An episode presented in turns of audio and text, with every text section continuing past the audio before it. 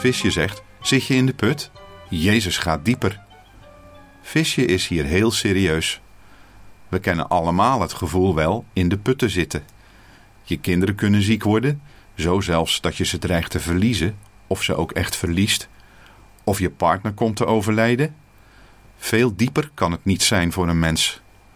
Maar stel je nou eens voor dat je God bent en de enige zoon die je hebt, Jezus, naar de aarde stuurt om de mensen te redden van de dood en ze eeuwig leven te geven.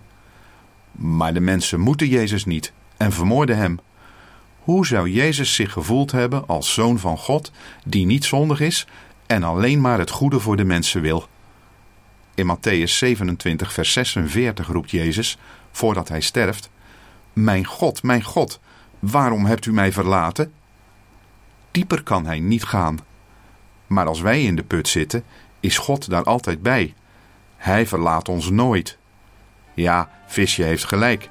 Zit je in de put? Jezus gaat dieper.